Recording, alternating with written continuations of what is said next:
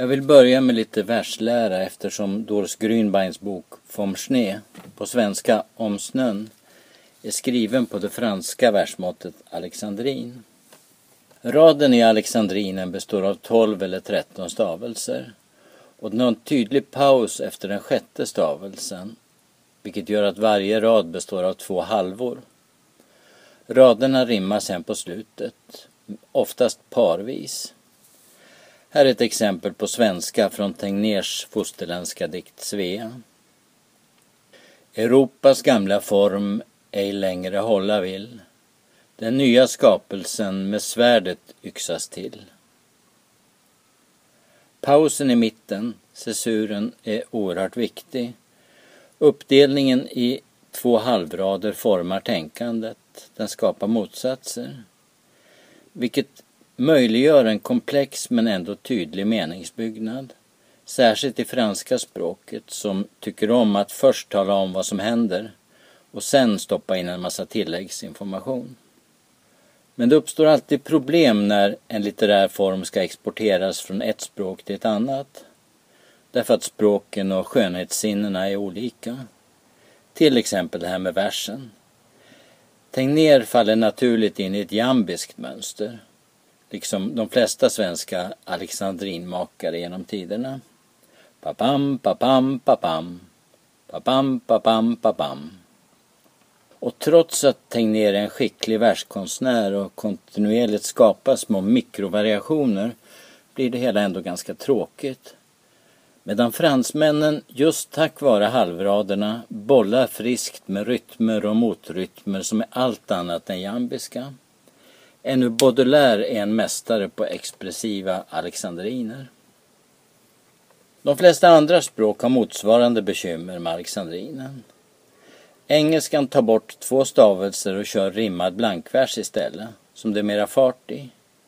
Tyskarna har alltid brytt sina huvuden. På 1600-talet skrev mystikern Angelus Silesius tvåradiga epigram på alexandriner om att frälsningen måste sökas redan i jordelivet. I all sin knotighet är de en stor litterär skatt. Goethe på 1700-talet översatte och skrev dramer på alexandriner men fick kritik av sin vän Schiller.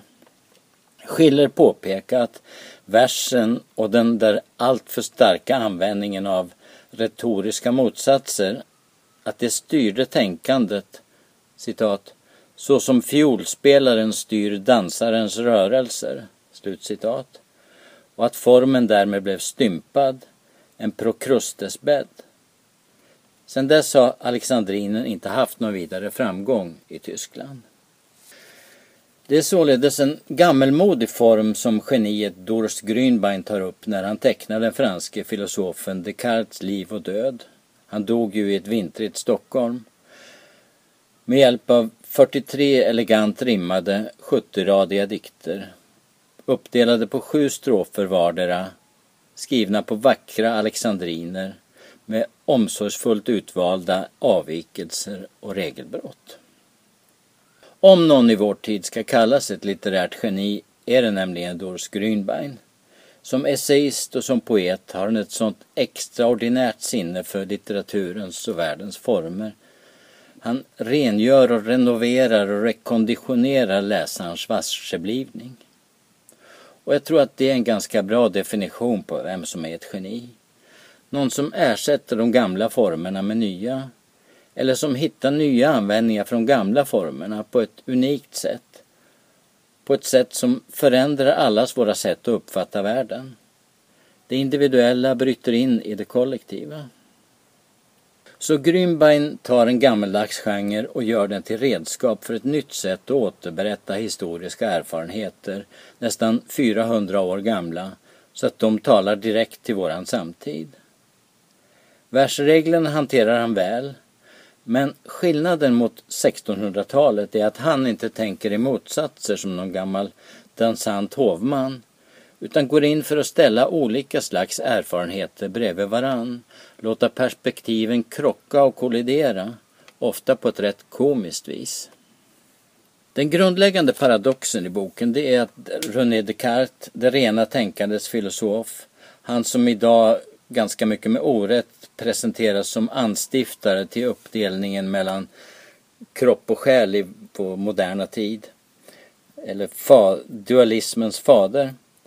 Att Descartes inte är verksam i det trygga katolska hemlandet utan befinner sig mitt i det 30-åriga krigets Tyskland omgiven av fasansfulla människoslakter tills han får en fristad i det blomstrande Holland där välståndet skapar en grogrund för tänkandet och för idén om frihet.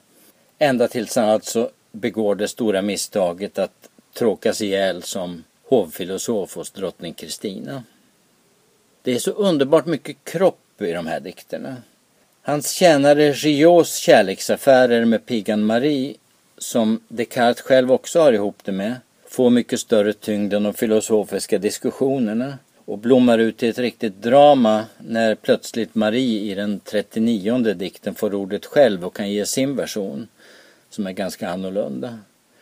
Oförglömlig är en filosofisk diskussion med en häst som löser ett matematiskt problem han ställs inför genom att helt sonika slicka bort det från griffeltavlan.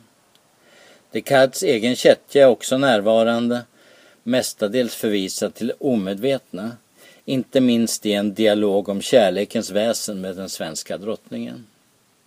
Men den övergripande metaforen är den som omnämns i bokens titel. Ja, det snötäckta landskapet är mer än en metafor. Det är samlingsbegreppet för vår mänskliga oförståelse, vår fördömelse till att alltid bara måste vistas på en bestämd historisk plats, förutom kanske i vissa benådade ögonblick, som när den grubblande tvivlaren inser att det enda han inte kan betvivla är sin egen existens, varvid en blixt slår ner genom taket till bekräftelse. Snön, kylan, kanske också kriget är människans villkor. Vad vi förfogar över som motkraft är tänkandet och kanske kärleken. Hur förhåller sig då en mästeröversättare till ett sånt här verk av världstekniskt knåp och berättarmässiga excesser? Ulrika Wallenström har i snart 50 år skänkt oss det allra bästa av den tyska litteraturen i form av översättningar som återger originalets egenart och språkliga variationen i minsta skiftning på god livfull svenska.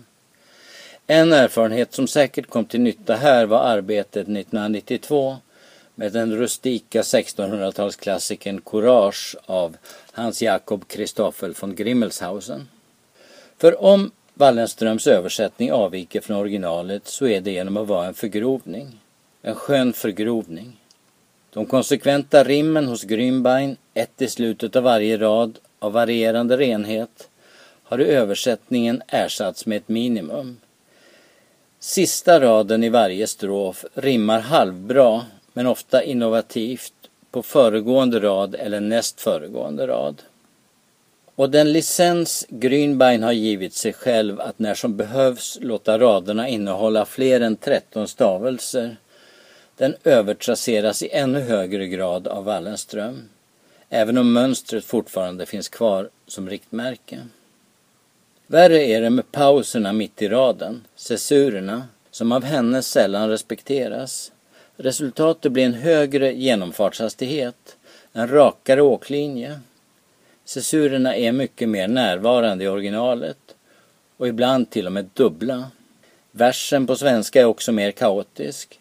De traditionella jambiska raderna med jämn tvåtaktslunk, papam, papam, papam, befinner sig i underläge.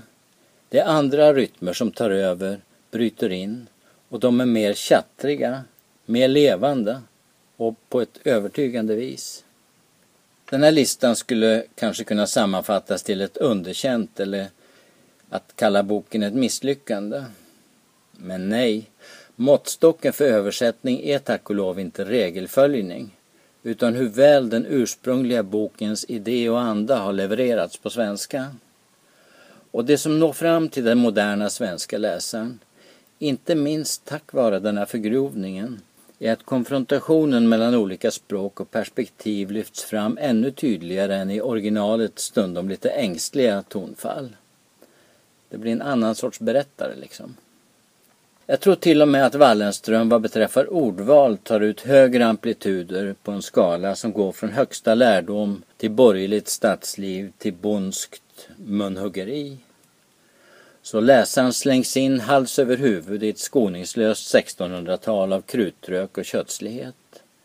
Medan en mer duktig tolkning skulle ha lagt sig som ett snötäcke över landskapen, människorna och de minst sagt dramatiska händelserna. Och nu vill jag avsluta med ett smakprov. Det är en dialog mellan Descartes och tjänaren Gillot.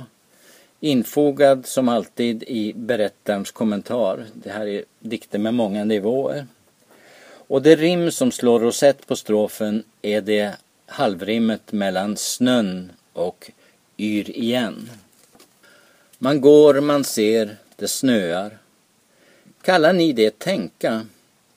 Jag tänker är, jag uppfattar reflexartat och snabbt vad som här sker, här inne i mig där jag finns.